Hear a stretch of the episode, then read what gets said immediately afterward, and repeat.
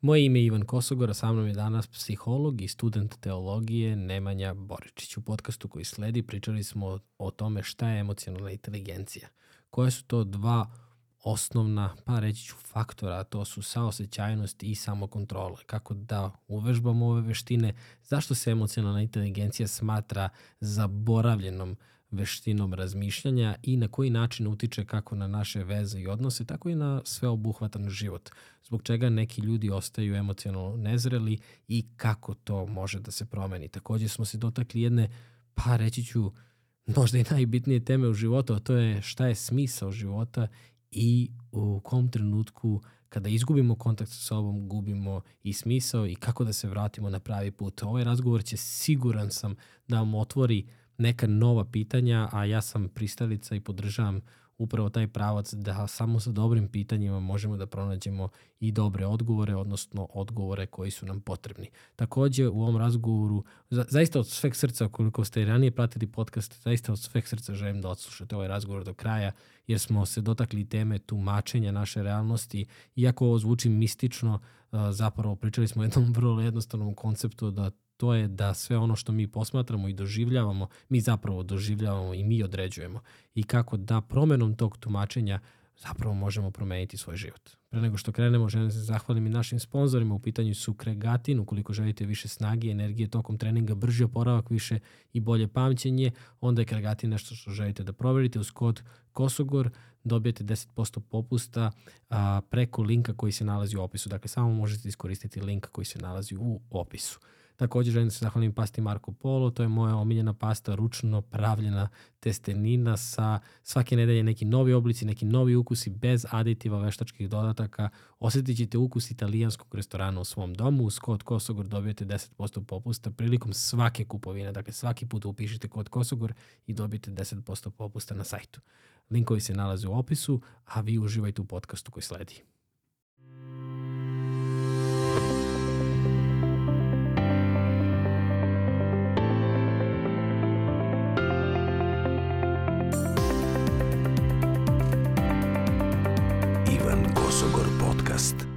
Dobro mi došao još jednom.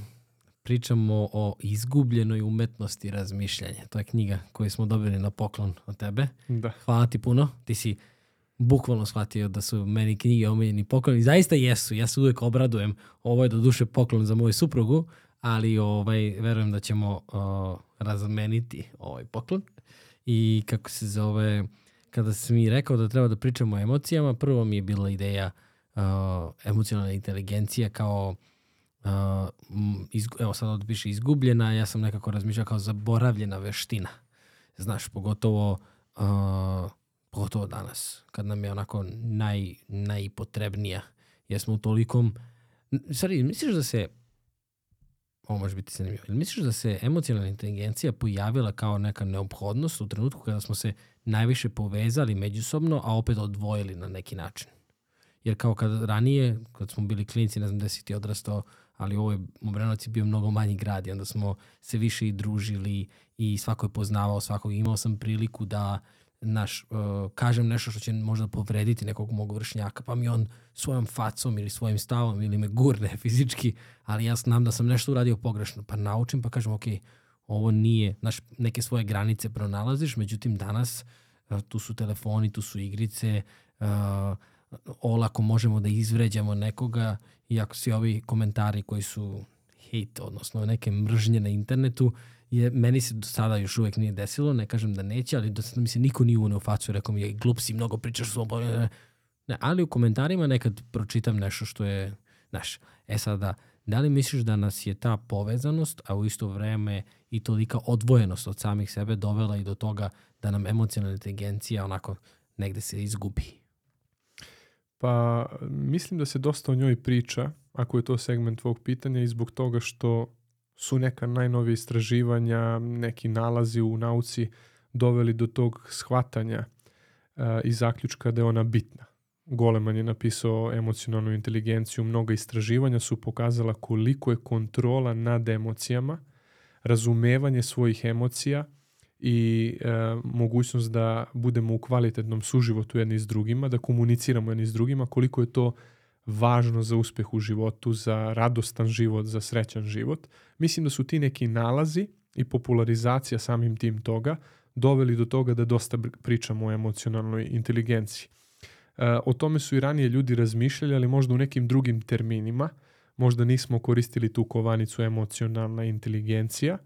Znaš, ono kad kažu stari sa ovih prostora treba biti junak, ali treba pokazati i čojstvo. Znači, braniti sebe od drugih, ali pre svega braniti, odnosno možeš braniti sebe od drugih, ali pre svega druge od sebe samog.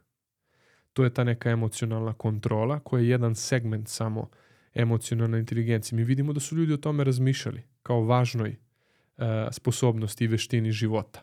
Sada je to podignuto na jedan viši nivo, o tome se dosta govori uh, u raznim programima, emisijama, uh, u podcastima, knjige mnoge su napisane o tome, jednostavno zato što shvatamo da je to bitan element života i da bez emocionalne inteligencije ljudi ne mogu da imaju dobro iskustvo življenja u ovom prolaznom životu, dobro iskustvo suživota s drugim ljudima i e, kvalitetnog osjećaja sreće i zadovoljstva e, u životu. Znači to je jako važna veština i to je nešto do čega treba da nas dovede normalna i adekvatna zrelost ili adekvatan put sazrevanja. Znači jednostavno čovek je emocionalan, svi smo mi emocionalni od malih nogu, ali na početku smo emocionalni u smislu nekih trenutnih reaktivnih emocija, to je naš neki emocionalni život, a sa razvojem uma, sa razvojem racija kroz vreme mi treba da postanemo toliko emocionalno zreli da možemo doživeti susret s nekim osnovnim emocijama, ali da možemo shvatiti da imamo kontrolu nad njima. To je u stvari ta preko potrebna veština emocionalne inteligencije. Kad kažeš da treba da imamo kontrolu nad njima, da li to smatraš da imamo kontrolu nad tim promenama raspoloženja, nad reakcijama u odnosu na druge? Od čega mi to treba da štitimo druge kad to pominješ? Pa definitivno ako smo pošteni, svako od nas će prihvatiti da mi nismo cvećke i da u nama postoje neke mane, problemi koji se odražavaju na naše uh, druženje sa drugim ljudima, na povrede koje zadajemo. Mi smo ranjeni od drugih i mi ranjavamo druge. To je realnost života i trebamo da sačuvamo druge ljude od tih rana. A to ne mogu slabi ljudi. To ne mogu kukavice koje stalno kao mala deca istresaju sve iz sebe. Moramo to uraditi kao hrabri ljudi koji će zaštititi druge od sebe. Zamislite da su se na nama svi stresali, možda nas ne bi bilo ali neko iz ljubavi prema nama sustavio taj inicijalni impuls. I to Goleman i kaže. To je ta najvrednija, najvažnija osobina psihološka koju čovek treba da ima. Kaže, odupreti se početnom impulsu. I on govori o dva puta. Znači, gornji, viši put i niži put. Nešto što dolazi iz limbičkog sistema, to su one brze emocionalne reakcije, a viši put podrazumeva uključenje čeonog grežnja i onih voljnih i intelektualnih elemenata. Emocionalna inteligencija kad se um i srce spoje. Kada se intelekt i emocije spoje i kada funkcionišu zajedno. A u tom smislu intelekt treba da ima kontrolu. Još su stari Grci zaključili, ja se sa njima ne slažem u svemu, ali ovo je jako važna misao, postoje dva konja koje nas vode napred. To su emocije i motivacija. U psihologiji se emocije i motivacija vrlo često zajedno ovaj, proučavaju i postoje, postoji onaj koji jaše to i vodi to sa onim uzdama i kontroliše, to je razum. Dakle, mi smo homo sapiens, misleća bića.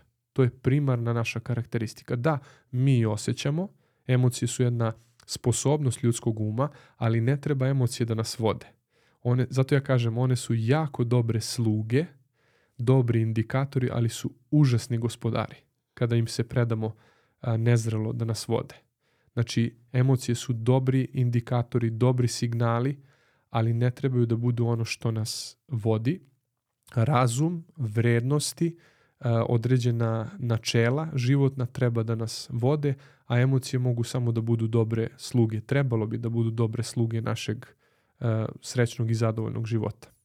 Da li misliš da možemo da doživimo taj emocionalni spokoj i da nekako u svom tom, da doživimo tu neku stabilnost, pogotovo danas, modern svet, stres, sve ono što se, što se dešava oko nas.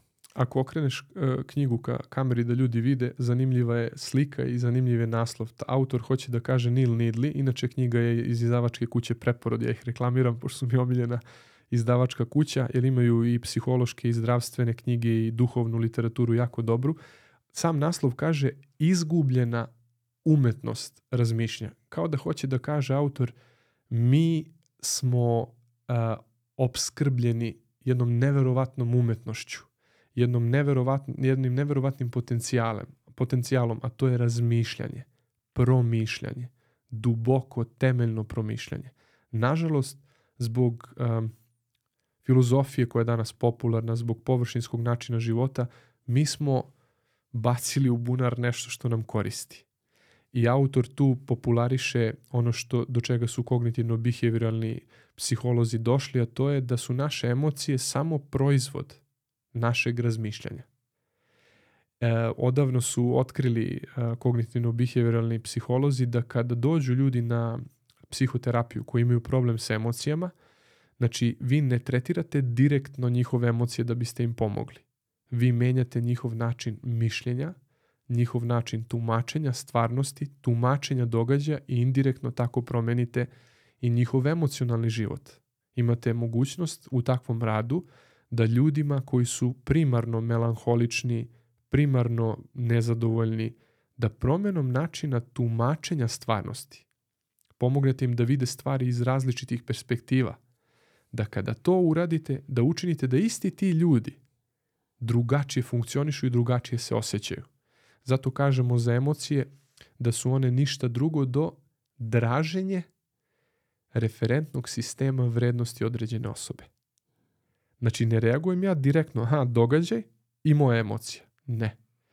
Nauka je pokazala, ja sam jako srećan zbog toga, jer to je jako moćna misao, nauka je pokazala da su naše emocije samo proizvod draženja našeg referentnog okvira od strane određenih okolnosti. Da li su unutrašnji stimulusi, spoljašnji, šta god. Evo primjer. Recimo, ja ne reagujem direktno na to što mi je ukraden novčanik, nego reagujem na moje tumačenje te situacije. Neko će reći mu reći, joj, strašno ovo, ono, ali ide živo dalje, samo mi je problem da izvadim dokumentaciju, ali i to će proći. Ovo zadesi živog čoveka, sve ću ja to poneti, idemo dalje, podneti. A neko kaže, gotovo je nemam kartice, nemam ovo, nemam ono, moj život se prekida. I takvim tumačenjem prirodno ćemo proizvesti užasno emocionalno stanje. Tako da ovi autori kažu, ako hoćete da pomognete ljudima s njihovim emocijama, pomozite im da drugačije razumevaju stvari, da drugačije tumače stvari. I autori iz ovog usmerenja kognitivno-behavioralnog kažu da bismo trebali ljude da naučimo, prevaspitamo kako da misle – i da im pomognemo da odbace sve iracionalne ideje, misli i da misle pozitivnije i spravnije u skladu sa realnošću. I navode se mnogi primjeri ovaj, tih nekih iracionalnih misli, ja bih mogao sada da ređam, ali možda tokom razgovora. A kaži mi koji to faktori utiču na promenu tumačenja? Znaš, jer uh, definitivno da je, ja verujem svako ko i, i sluša, ja bih mogao da navedem neke primere gde jednom veoma kratkom promenom percepcije ti zapravo dobijaš potpuno drugačiji pogled na celu situaciju. Kako? Znaš, nekada se desi slučajno. Nekada ti dođe od nekog autoriteta. Znaš, mi se često, često šalimo da Ema kada ovaj, mi nešto kaže, znaš, ja kao ok, jedan mi neko drugi to kaže u podcastu. Ja kažem, Ema, slušaj šta sam čuo. A kaže, pa ja sam ti to rekao kao pre, pre mesec dana, znaš. Ali ovaj, očigledno da ima i uloge a, autoriteta, ne samo poruke koja se govore, nego poruke koja stoji iza izgovorenih reči. Mhm. Znaš? Pa zato, zato, je dobro, zato je dobro da budemo otvoreni za tuđu perspektivu. -hmm. Znači, to je jedna od najboljih stvari. To je odlika zrelih ljudi. Da su spremni da priznaju da nisu glavni tumači ovog sveta i najispravniji tumači ovog sveta i da budu spremni da poslušaju tuđu sugestiju.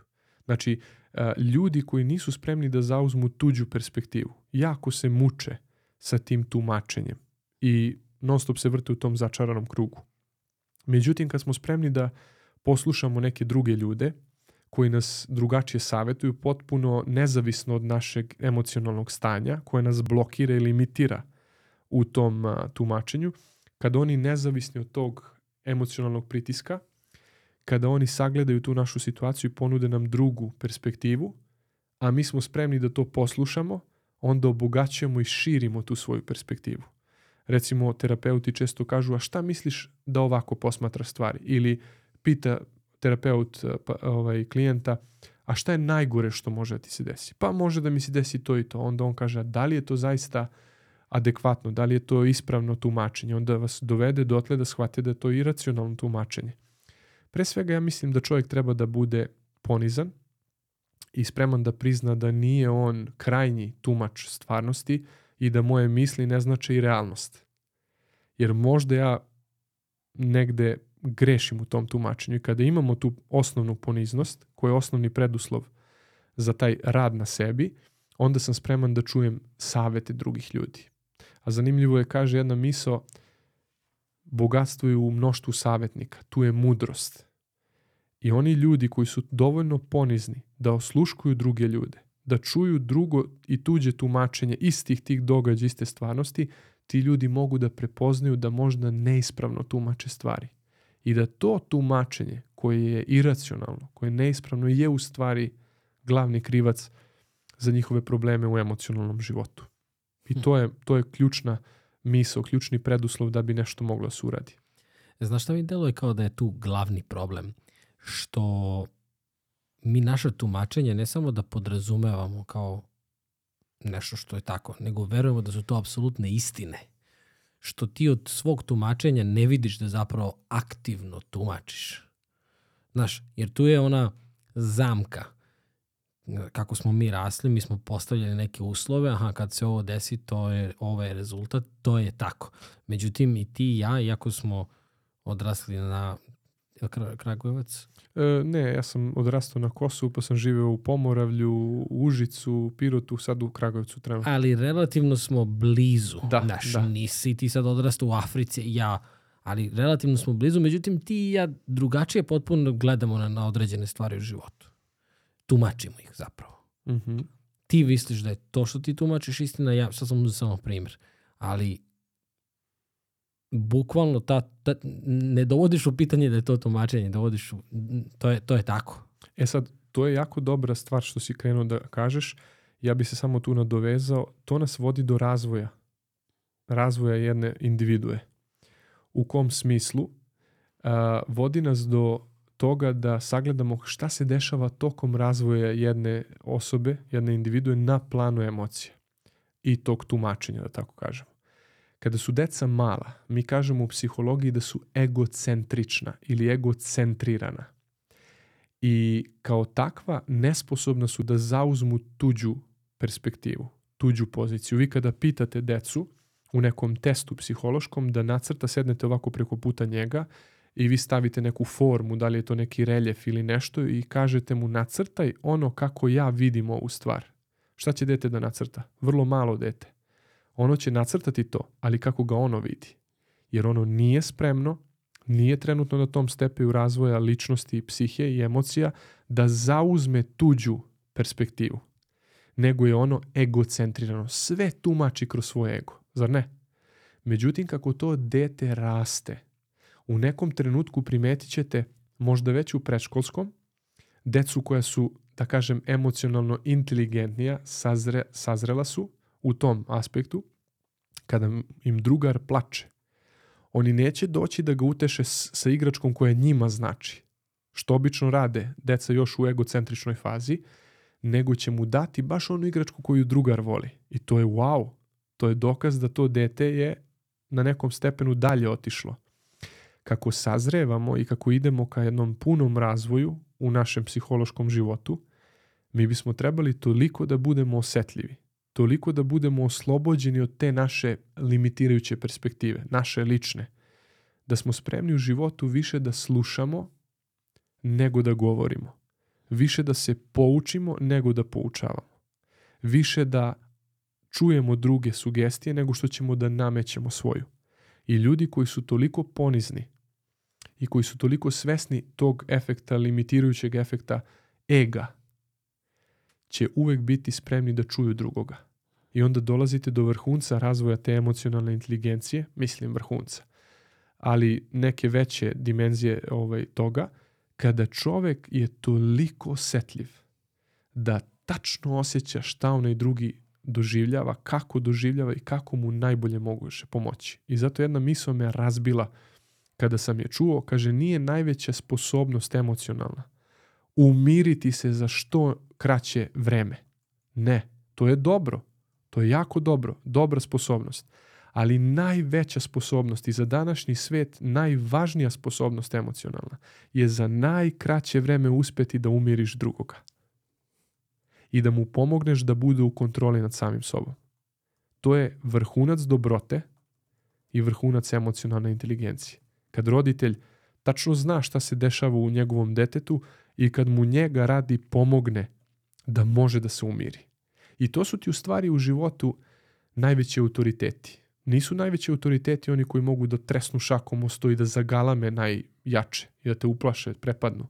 U ovom smislu najveći autoriteti su oni koji ti pomognu da se što lakše umiriš i što pre umiriš. Znači oni koji znaju šta se dešava u tebi i koji ti pomognu da se s tim olujama u unutrašnjem svetu da se središ, da se, da, da se da se doteraš u tom unutrašnjem smislu i da nađeš mir, onaj koji ti može dati mir, taj je najveći autoritet. Ako hoćemo i onom duhovnom aspektu, Bog je zbog toga autoritet, što ti daje mir koji nijedan čovek i nikakva tehnika ne može ti da.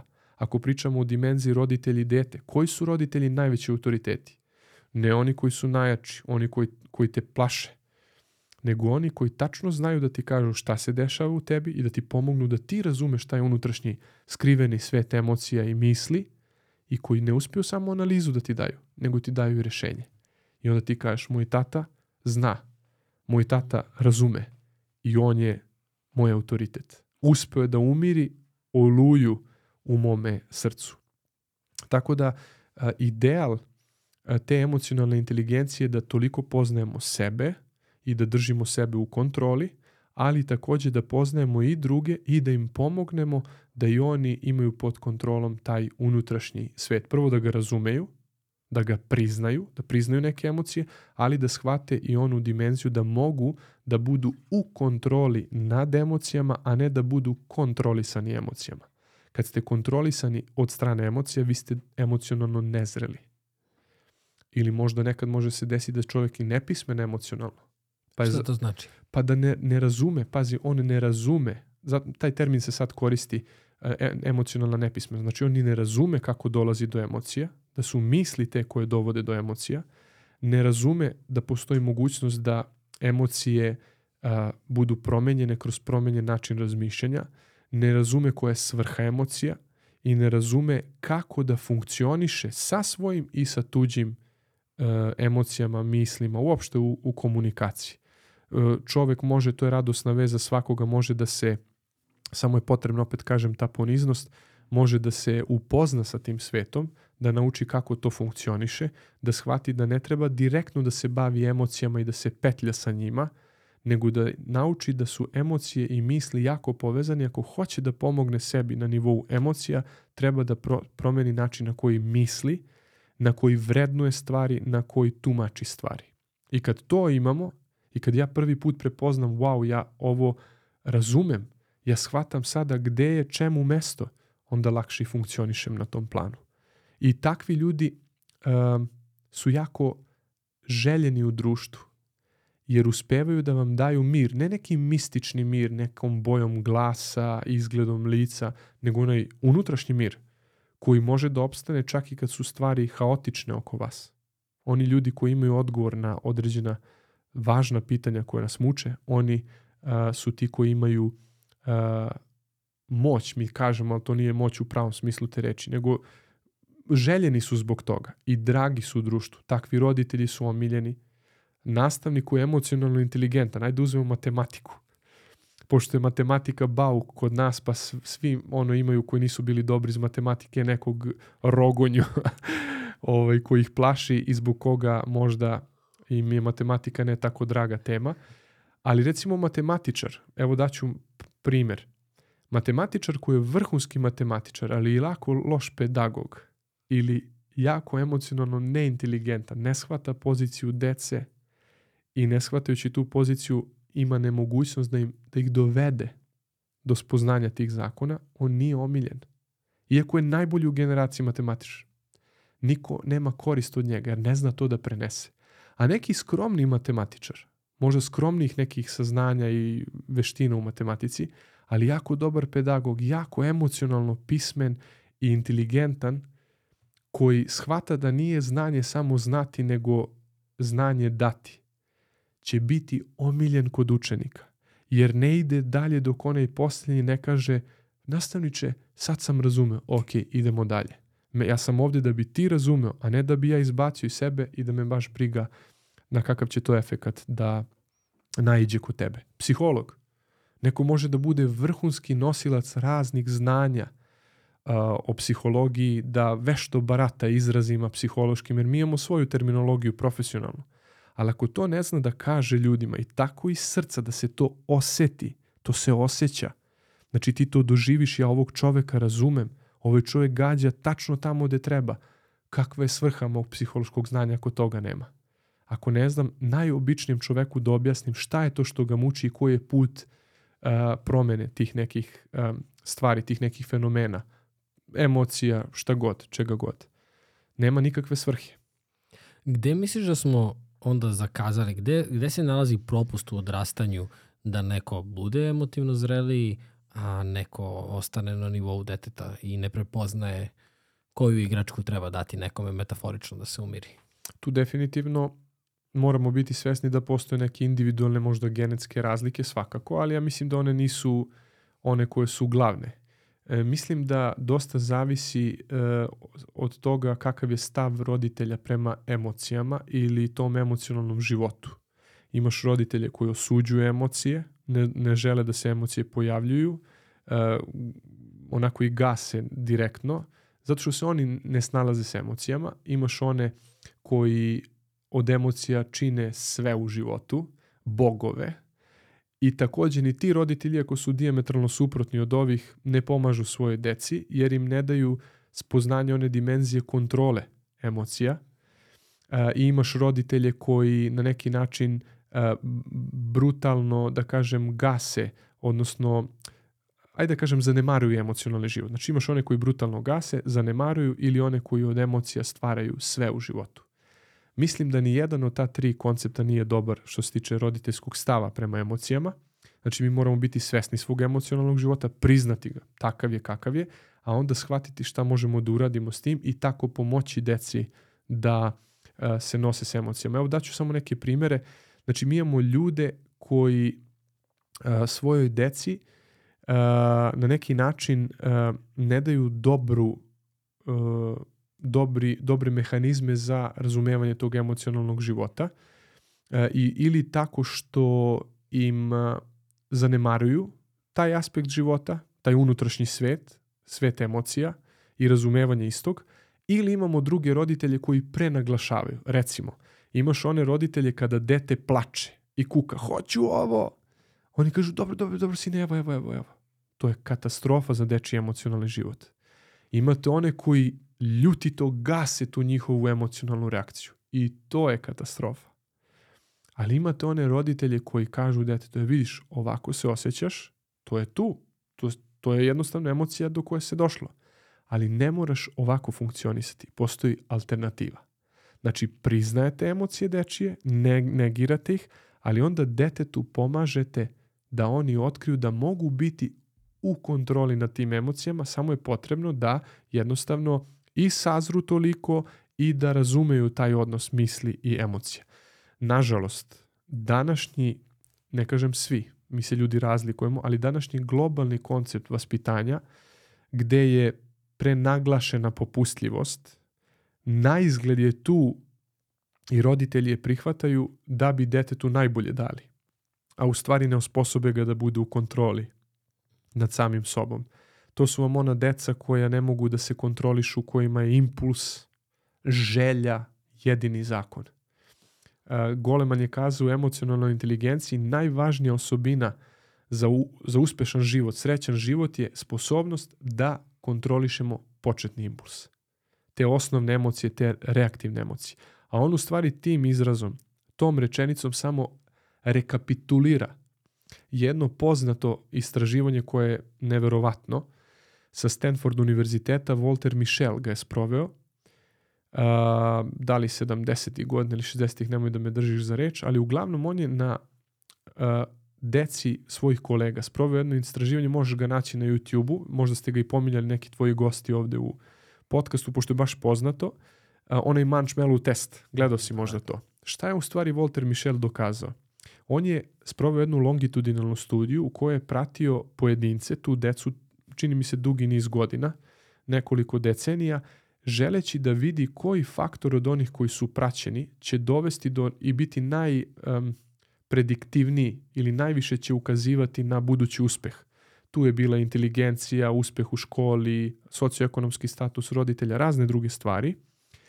I jedan eksperiment, a to je onaj Manchmellow test, gde su deci izlagani te, e, te, ti slatkiši koji su popularni u Americi, jedan bi bio izlagan i onda bi im bilo rečeno ja odlazim odavde, eksperimentator je to govorio i kada se vratim ako ga ne pojedeš dobit ćeš još jedan. I onda su snimana deca da to nisu znala, eksperimentator napusti studio i kao vratit će se i onda fenomenalni su ti snimci da gledaš decu kako se bore, da li da uzmu pa mirišu pa štrpnu malo pa i uzgred to je bio jako ovaj avangardni uh, ovaj eksperiment i uh, eksperiment je pokazao da je najjači faktor uh, sa najjačom sposobnošću da determiniše budući um, uspeh bio taj test kojim su oni gađali samo kontrolu, jedan element emocionalne kontrole. Znači ona deca koja su bila spremna da se odupru tom impulsu, toj želji, su bila deca koja su bila najefikasnije u životu. Najbolje ocene, najbolji đaci, najbolji i najzadovoljniji svojim odnosima, što je pokazalo ovo što je Goleman rekao. Najbitnija karakteristika živog čoveka za uspešan život je sposobnost da se odupreš početnom impulsu. A to je ono kada se emociji, osnovnoj bazičnoj emociji pridoda mišljenje, načelo. I to je meni fenomenalno, ja tako objašnjam šta je ljubav. Ljubav nisu samo emocije, te ta osjećanja. Ljubav je i odluka. Ljubav je načelo. Ja sam rešio da volim svoju ženu do kraja života. Ako sam inteligentno biće, moralno biće, biće koje je slobodno, ja neću da volim ženu samo dok mi ona donosi efekat kao Manchmellow kolačić onom detetu ja ću je voleti zato što sam doneo odluku da to činim i kad mi je dobro i kad nije, ja ću nastaviti da imam pozitivan stav prema njoj i da je dobro činim, a ne da se baziram samo na emocijama. Tu imamo jednu nevjerojatnu, jedan nevjerojatan paradoks da imate zrele ljude, u godinama zrele, koji su i dalje deca. Zbog pogrešnog odnosa svojih roditelja prema njima, i neostvarivanja na pozitivan način onog roditeljskog zadatka, to je da im pomogneš da budu u kontroli nad sobom, da postanu ljudi koji nisu samo stihijska bića, već su i mudra, razumna bića, zato što to roditelji nisu radili. Imate ljude koji su 40, 50, 60, 70, 80 godina stari, kojima su svi drugi krivi, koji se non stop prazne u tim nekim, ne znaju da pričaju sami sa sobom, da tumače emocije, da misle o svojim mislima, metakognicija i da misle o svojim osjećanjima, meta stanje. Znači ja analiziram sebe. Ja sam primarni svoj uh, psihoterapeut. Znači ako ja nisam, ko će mi biti?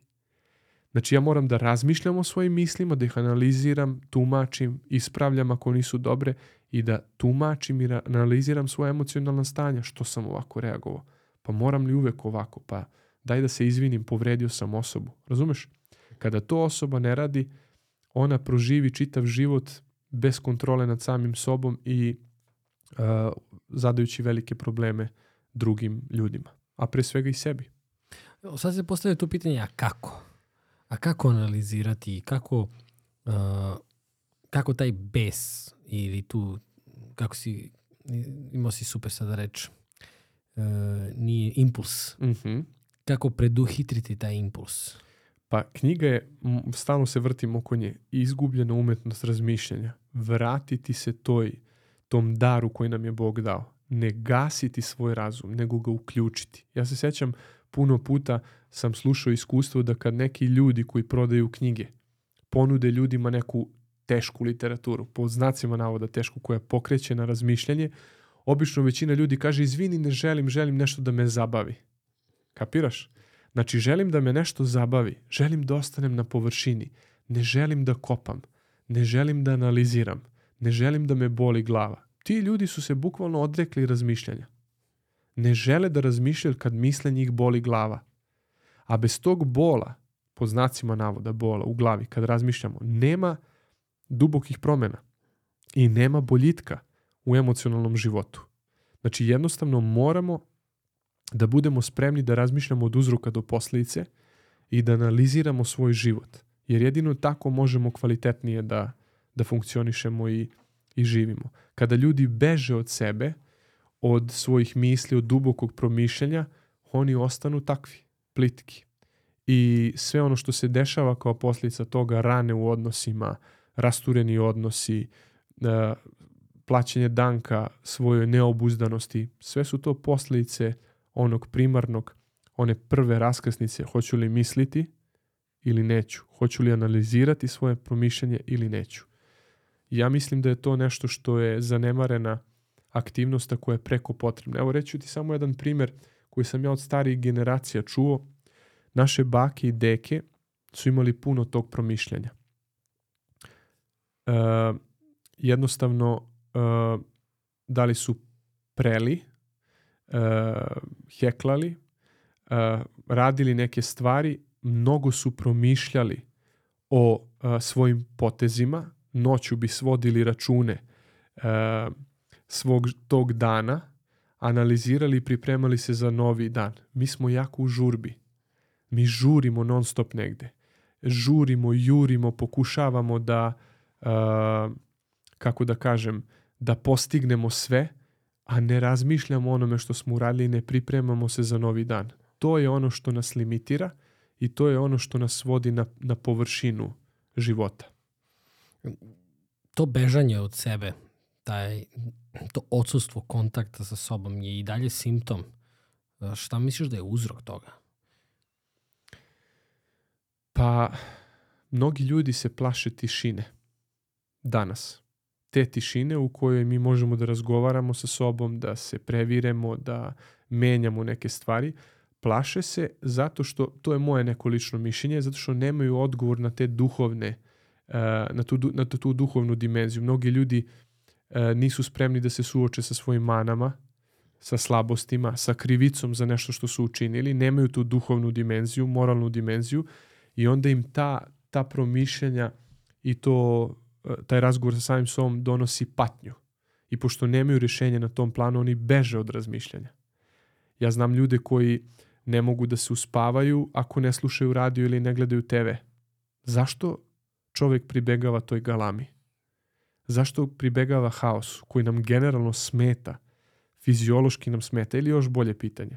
Što se savremeni čovjek plaši toliko tišine? I osame mm, ja bih dodao samo tu još jednu stvar. Mislim da smo se i odvikli da nam bude dosadno. Znaš, ti ranije nisi mogao iz džepa da izvučeš uh, enciklopediju, neograničeni izvor znanja ili zabave ili šta god tebi predstavlja. Telefon, pričamo o telefonu. I danas ko, koliko si video ljudi u redu da čeka nešto, a da nema telefon. Mi kad smo bili na aerodromu, svi svi imaju telefone u ruci. Mi držimo Vuka i nešto se smeškamo ovo ono i ja pogledam svi. Babe, dede, deca, srednjovečni ljudi, svi. Nama je naporno da nam bude dosadno. Mi sad pričamo i i o algoritmu koji se menja i o tome da nam je pažnja sve kraća i kraća, a onda recimo ja radim ove podcaste koji odu u dva sata, dva i po sata i ljudi odgledaju od početka do kraja. Ali smo se odvikli da nam bude dosadno i na 10 sekundi. Nije problem, nije pažnja 10 sekundi, nego mi ne možemo da budemo sami s ovom 10 sekundi, jer smo se, jer dosada je neprijatelji. Mi smo u stvari pobegli od svog pravog identiteta. A to je? Mi smo duhovna bića, moralna bića mm -hmm. koja su pozvana da promišljaju, duboko promišljaju o životu, o životnim stvarima s kojima se susreću i da se postavljaju prema tome. Prema dobru, prema zlu, da budu aktivni stvaraoci u svome životu. I mi bežimo u neku čudesnu, u negativnom smislu čudesnu situaciju, a to je da uh, bežimo od samih sebe od ljudskosti, od mišljenja. Želimo da pobegnemo u zabavu, u površinsko golicanje naših intelektualnih moći, ne znam kako to da nazovem. A u stvari pozvani smo da rešavamo duboke neke probleme, da se rvamo s nekim teškim pitanjima.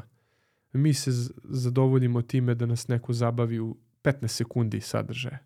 I od 15 sekundi do 15 sekundi, od 15 sekundi do 15 sekundi ali naš život pokazuje da mi kvarimo sebe, da mi tonemo kao civilizaciju jednu destrukciju i autodestrukciju. To se vidi po našem karakteru, to se vidi po svetu koji mi stvaramo. Mi smo ti koji kreiraju ovaj svet.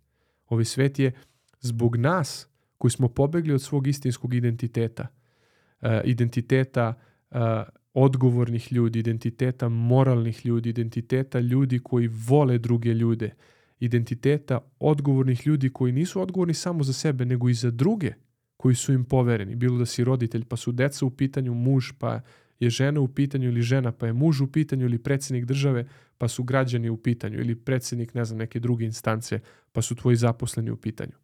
Znači, to je neverovatno, to, za to smo stvoreni, da služimo onima koji su ispod nas u toj hijerarhiji, a ne da vladamo nad njima. Mi smo od toga pobegli. A kad pobegneš od toga, znaš šta si, na šta si ti napustio? Smisao. Smisao nikad nije dosadan. Kada ja razmišljam o emocionalnoj inteligenciji, ako razmišljam u domenu sebičnosti, ništa priča o emocionalnoj inteligenciji neće da mi koristi. Jer ja ću onda da vežbam emocionalnu inteligenciju kao sebičnjak da bih bio manipulator što bolji, da što više ostvarim za sebe. To, to ne pije vodu. Oni koji su probali znaju, držite kratko i onda ti postane dosadno.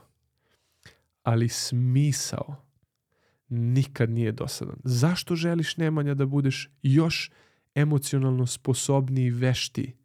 Da budem na blagoslov ljudima, na njihovu dobrobit, da im obogatim život još više. Kad ti je to cilj, nesebičnost, ljubav kao najveći smisao, Znaš kako lako se neke stvari menjaju. Znaš kako se lako odričeš nekih stvari koje ranjavaju tebe i ranjavaju druge. Ma nema šta time da se ja bavim i petljam fuć i bacim to u đubre. Nastavljam dalje olakšan, bez tog nepotrebnog tereta. Ali samo kada su mi cilj drugi ljudi i njihovo dobro. Moj David, Anastasija, Andrijana, Marija i drugi neznani i znani ljudi, da njima budem na veću korist.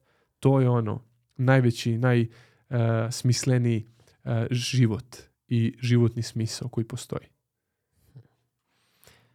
Ovo je prelepo što si rekao. Uh, nekoliko razgovora uvijek spominješ karakter kao veoma bitan deo identiteta i nešto što treba graditi. Za, za ljude koji bi volili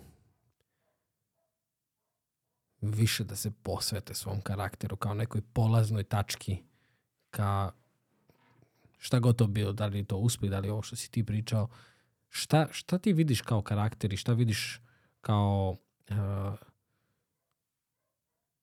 uticaje na izgradnju karaktera, kako, kako pristupiti svom karakteru. Uh, ima jedna, sve ću previše da komplikujem, ali prosto hoću da te inspirišem na, na, na što bolji odgovor ovaj, koji, koji, koji je i meni potreban, a to je da nama često neko kaže lenjci, na primjer, i mi onda kažemo na osnovu nekog našeg ponašanja koje u tom trenutku može zavisiti od gomile drugih faktora, hormona, stresa, okolnosti, naših misli, naših emocija. I onda mi kažemo, jeste u pravu si, mi smo lenji i onda poverujemo malo u to, pa to postane naše ponašanje. Pa onda donosimo i odluke u skladu sa našim ponašanjem, pa te odluke postanu deo, ama on je takav, postanu deo naše ličnosti, naša ličnost postane deo naše karaktera i mi jednostavno upadnemo u tu neku zamku u kojoj ne postoji izlaz, zato što se previše vrtimo u, u tom krugu odluke ličnosti, karaktera i tako dalje, da nema izlaza. E sad samo to da sistematišemo. Super. Znači svaki psihički proces ima tri elementa. Intelektualni ili kognitivni, afektivni ili emocionalni, voljni ili konativni.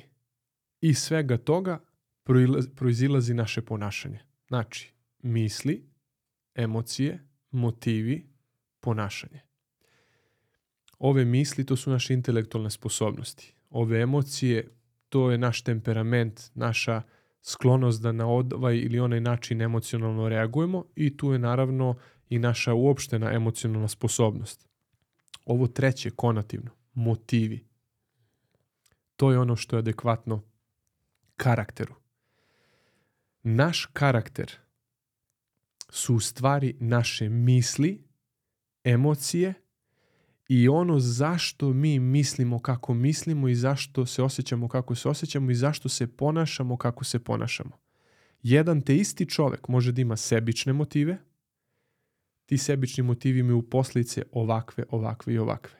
Isti taj čovek ako promeni, doživi tu duhovnu promenu, karakternu promenu i promeni motive i prihvati nesebične motive, njegov čitav život će biti reformisani. E, najmanje se bavimo motivima. Najmanje se bavimo u toj našoj ljudskoj manipulaciji našim mislima, emocijama, psihologijom čoveka, tim motivima, a oni su ključni. Znaš kako tamo kaže u onoj priči u evanđelju, kaže, ako daješ milostinju, a ne daješ to iz ljubavi prema tom čoveku, nego daješ da bi te videli, ništa si. Znači, na izgled ponašanje je super, ali sa potpuno pogrešnim motivima i ono gubi vrednost. Znači, zašto ja želim da budem emocionalno inteligentan? Ključno pitanje je koji su tvoji motivi za to?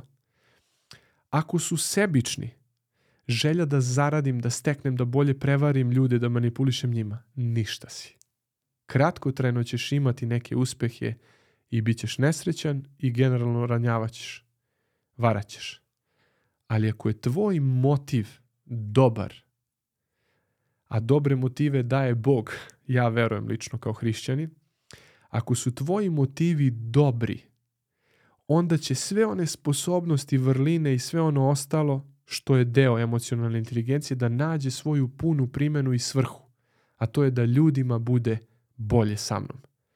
Koja je to vrednost kada ljudi prepoznaju da si ti bogatstvo u njihovom životu. Ne teret, nego bogatstvo. Kad si željen u društvu ljudi.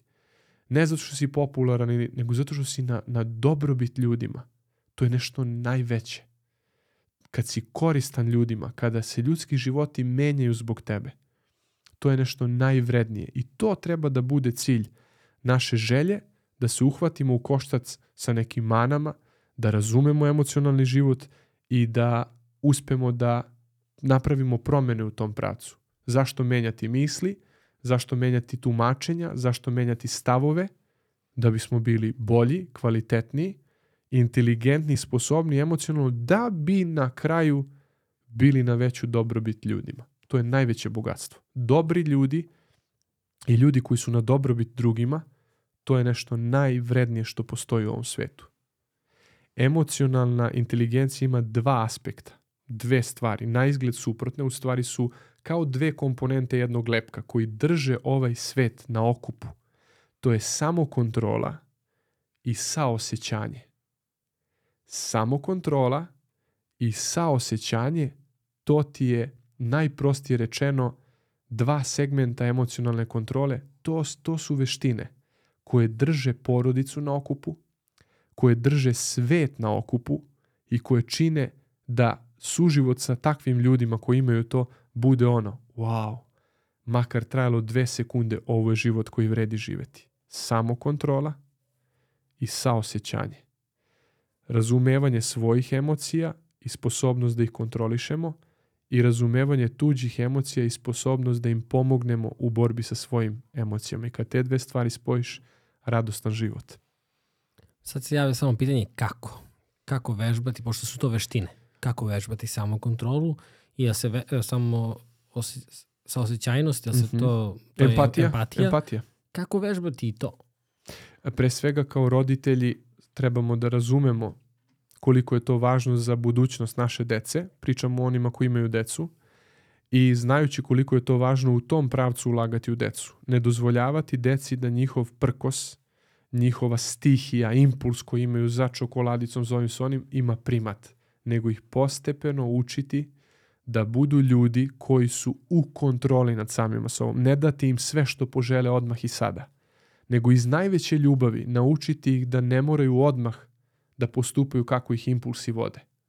Da budu u kontroli nad samim sobom. Takođe, pomoći im kad su mali da razumeju da nisu centar sveta.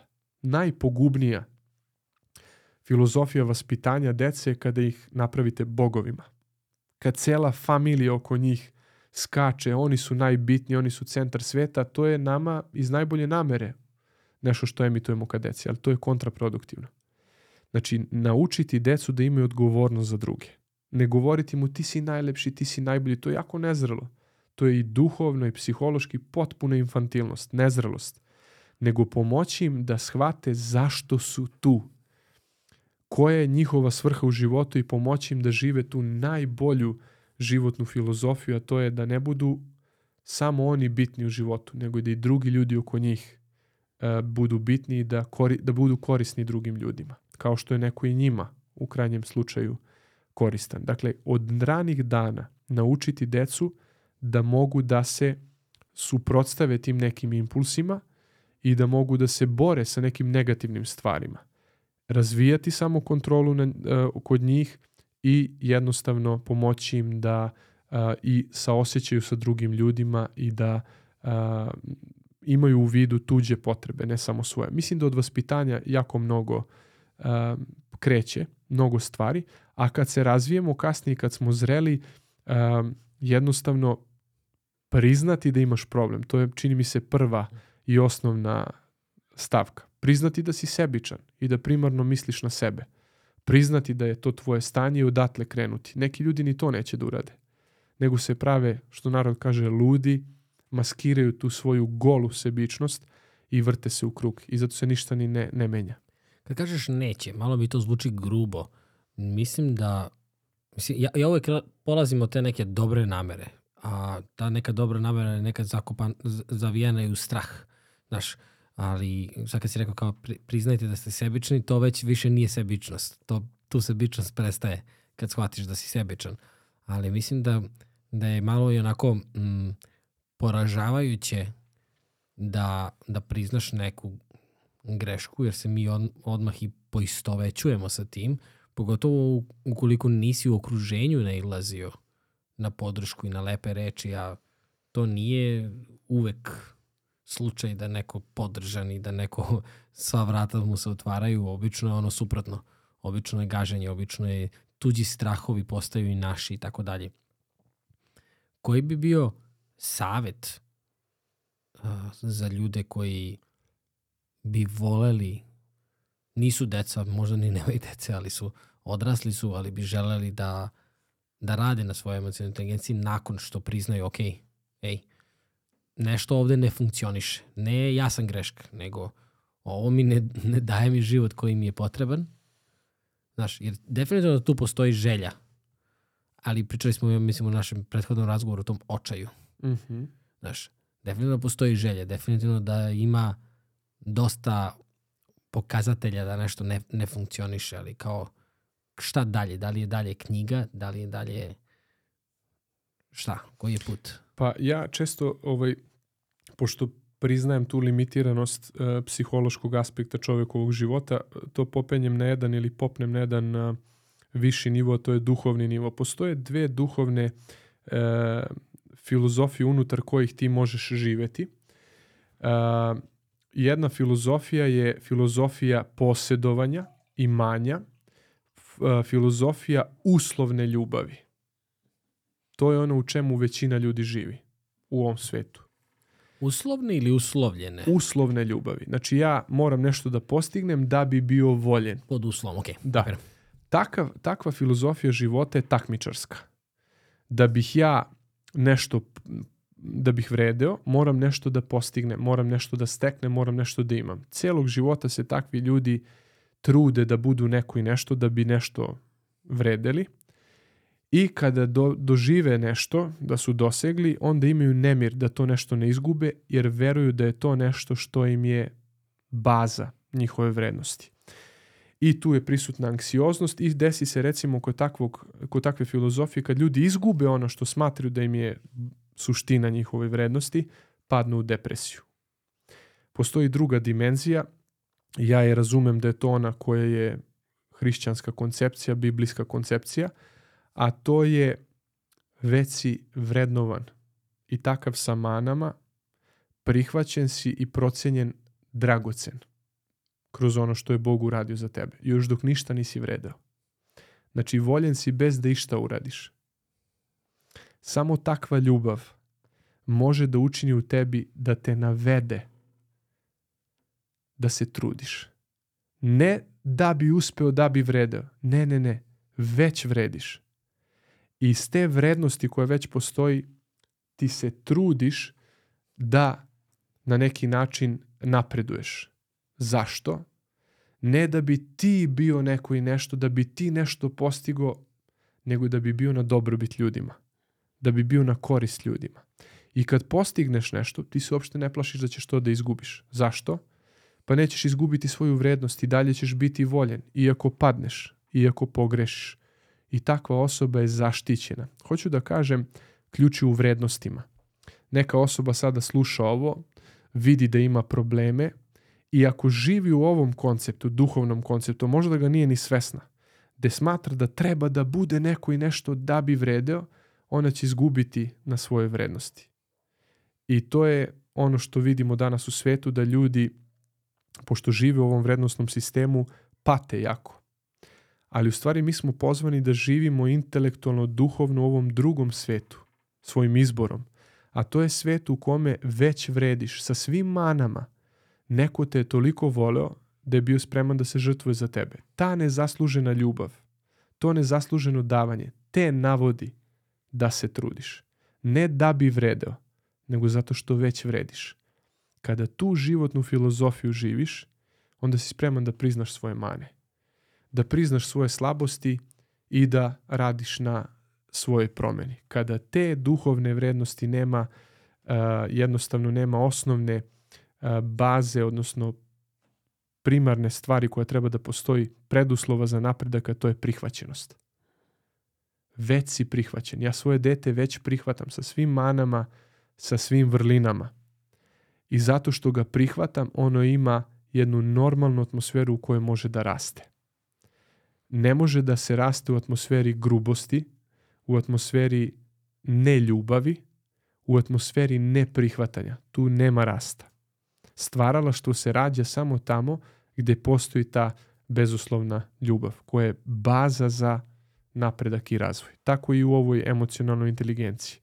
Možda nemate nekog ko vas prihvata na taj način, ali postoji, ja kažem uvek, to je moja lična, uh, moje lično razmišljanje, postoji onaj koji nas prihvata takvima, to je Bog u krajnjoj liniji. Još ako imate suprugu koja je takva, supruga, brata, sestru, prijatelja, fenomenalno. Ljudi koji su prihvaćeni i koji žive bezuslovnu ljubav, nemojte zaboraviti, oni je i emituju. I pored takvih ljudi osjećate vrednost. Osjećate se vredno i pokrenuti ste da rastete, da se menjate. Da li misliš da u našem društvu dominiraju ljudi koji se osjećaju prihvaćeno ili misliš da smo ovaj, kao društvo onako u većoj meri oni koji se osjećaju da moraju da se dokažu? Pa praksa pokazuje ovo drugo.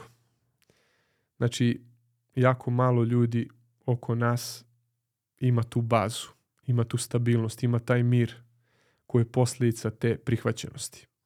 Pre svega duhovne, a onda i ljudske. I većina ljudi je iskompleksirana.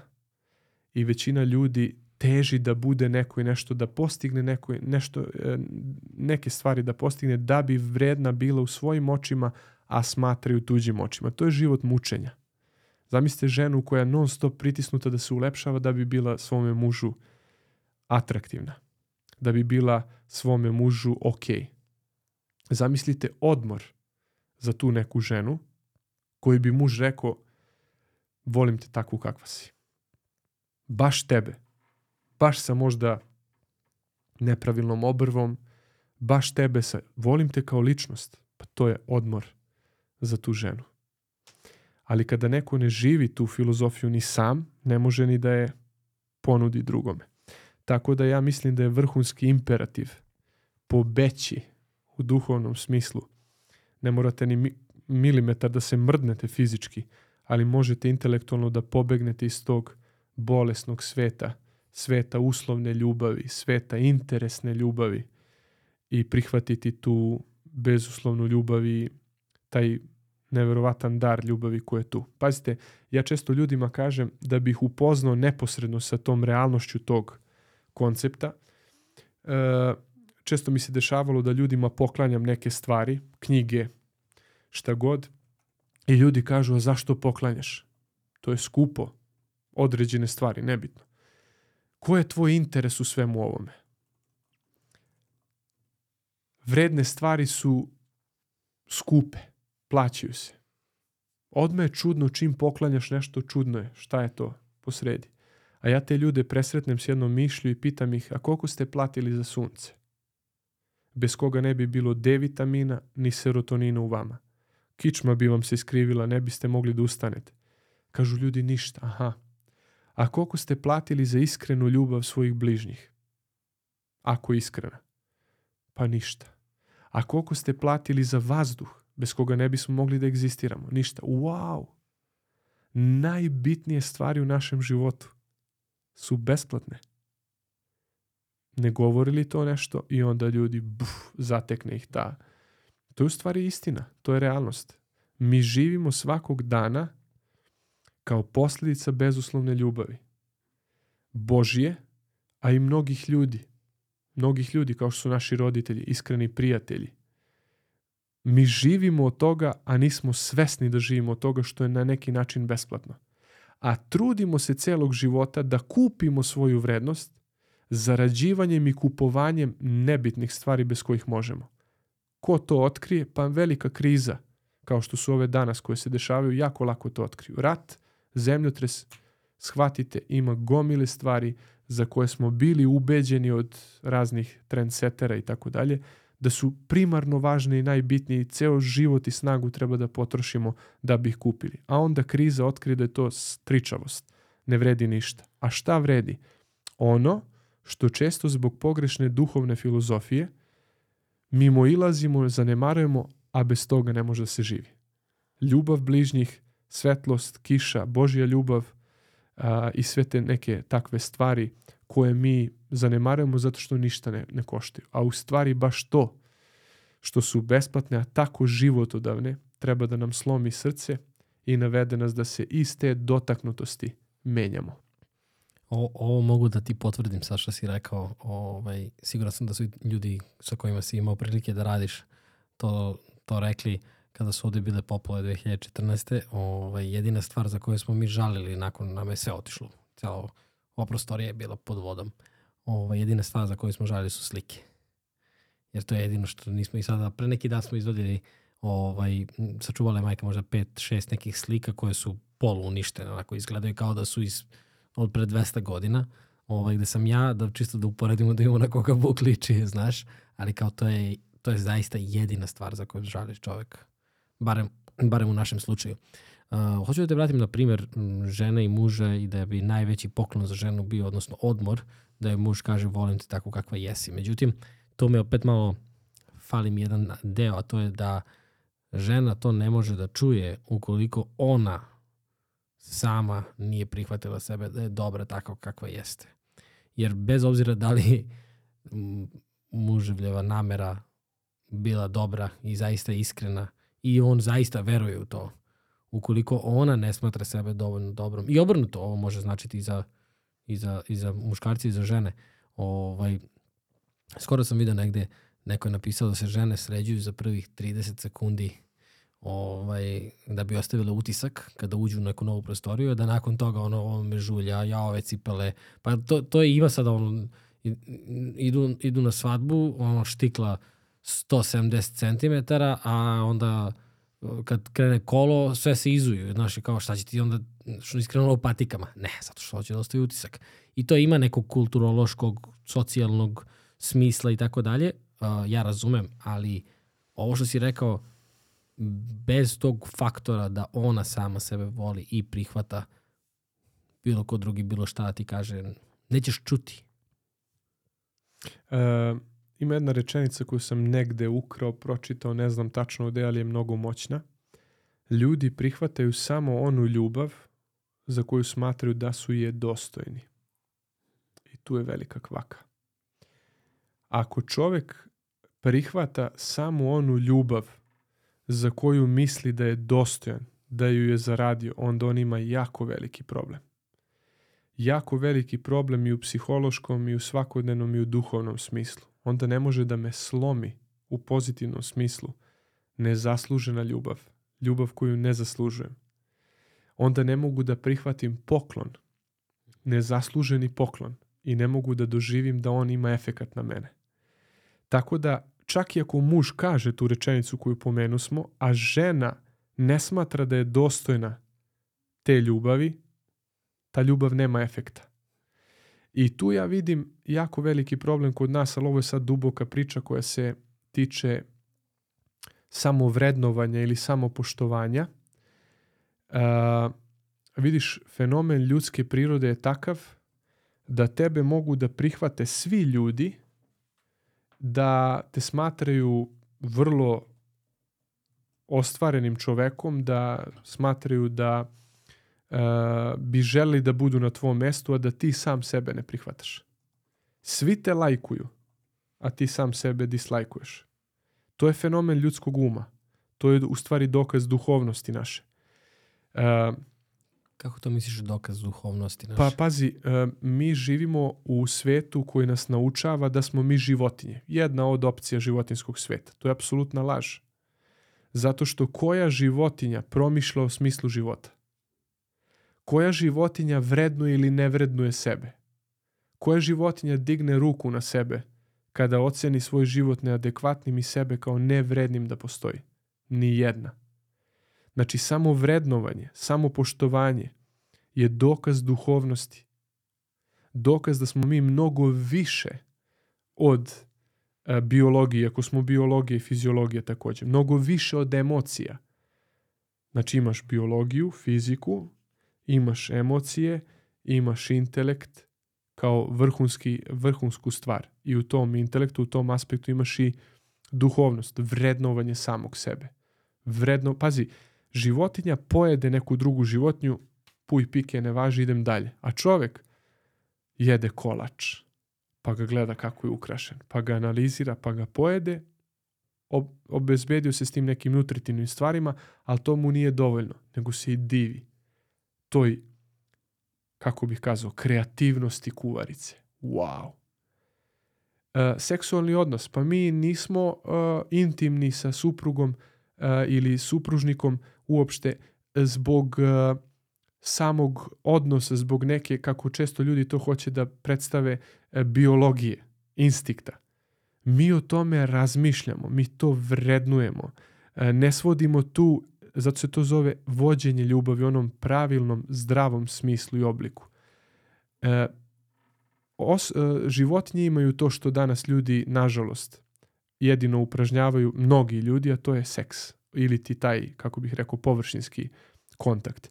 Ali vođenje ljubavi nije samo, razumeš me što hoću da kažem, verovatno i gledoci, znači tu su i reči, tu su i pogledi, tu je i ćutanje, kad smo jedno pored drugog i, i, i zagrljaj koji može da traje ko zna koliko dugo. Sve to pokazuje da mi ljudi ne živimo od hleba, ne živimo od površinskih stvari, nego živimo od duhovnih vrednosti Znači, kada nedostaje tog duhovnog elementa u svim ovim pomenutim stvarima, u intimnim odnosima, u, ne znam, emocionalnoj inteligenciji, sve postaje prazno. U stvari, kad nestane smisla, sve postaje prazno. Zato smatram da je to dokaz duhovnosti. I to je jako bitna stvar jer nam pokazuje da mi ne živimo samo od tih nekih površinskih stvari, nego od duho, dubokih duhovnih vrednosti koje imaju moć da nas nahrane. Ta bezuslovna ljubav ima moć da stvori nadu, da stvori smisao i snagu i elan kad, kad je nije bilo ili kad ga nije bilo. Samo jedan, jedna reč, jedno razumevanje neke duboke stvari, duboke duhovne stvari može da učini da čitav naš život bude popravljen. Da čitav naš život bude promenjen. Ja sam to doživeo, možda sam to pominjao u nekom od prethodnih podcasta kada sam supruzi svoje rekao kada uh, sam joj kazao da će ljubiti u neumivene oči ujutru samo da bih joj dokazao da je volim takvu kakva je. Da ne mora da se prilagođava šminka doteruje da bi je vole. Ona je kazala uho od ovog može da se umre. Ovo sam čitav život čekala da čujem. To je znak da mi živimo od duhovnosti. One prave duhovnosti, od vrednosti kojima smo izloženi. Tako da mislim da je ovo jako bitna tema kada govorimo o emocionalnoj inteligenciji, jer a, efekat svih ovih psiholoških a, praktičnih stvari koje smo pomenuli i saznanja a, će se videti tek kad promenimo bazu, a to je motivacija zašto da budem emocionalno inteligentni, zašto da se popravim, zašto da priznam da sam slab na tom nivou i zašto da krenem da se menjam. Pa kada je motiv ispravan, kada je on kada smo motivisani tom nezasluženom ljubavlju, evo sad si voljen, takav kakav si, to ti daje snagu da sve te neke praktične stvari sprovedeš u delo i da one dovedu do najboljih mogućih efekata. Ja neću ništa više dodati na ovo. O, ovaj, hvala ti puno na, na još jednom fenomenalnom razgovoru. Uvijek je divno vidjeti te uživo i slušati te. A, pričali smo ja, ja već sada polako mogu da predosećam u kom pracu idu naši razgovori, bez obzira što se bavimo stvarima kao što u prethodnom razgovoru anksioznost, danas emocionalna inteligencija, ali uvek se provlači ta baza o kojoj ti pričaš i uh, mogu ti reći da zaista uživam u, u dubini u kojoj idu, idu naši razgovori, međutim uvek mi treba onaj prostor da obradim i da prihvatim stvari koje tako ti lako na, na prvi pogled povezuješ ovaj, u tu neku suštinu, ali evo i danas smo se dotakli opet smisla života i šta se dogodi kada se izgubi smisao. Znaš, i to je nešto o čemu, o čemu treba razmišljati onako istinski možda i svakog dana, ne kao samo ta misao pa kao ne, vidiš, ne ideš više na posao i tako dalje, međutim podsjetiti sebe na taj na taj kontakt i na zapravo tu jedinu vezu koju, koju možemo da ostvarimo.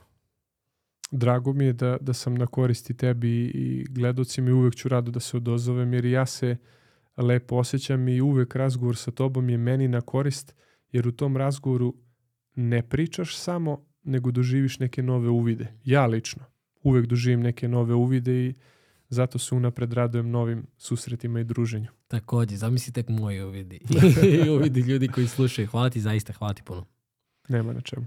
Hvala svima vama koji ste slušali i gledali ovaj podcast. Najbolji način da nas podržite jeste da se prijavite na ovaj YouTube kanal. Drugi najbolji način jesu PayPal, jednokratne donacije i Patreon. Hvala svima vama koji to redovno činite.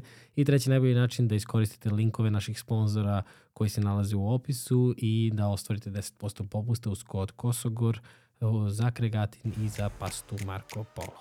A mi se vidimo sledeći put.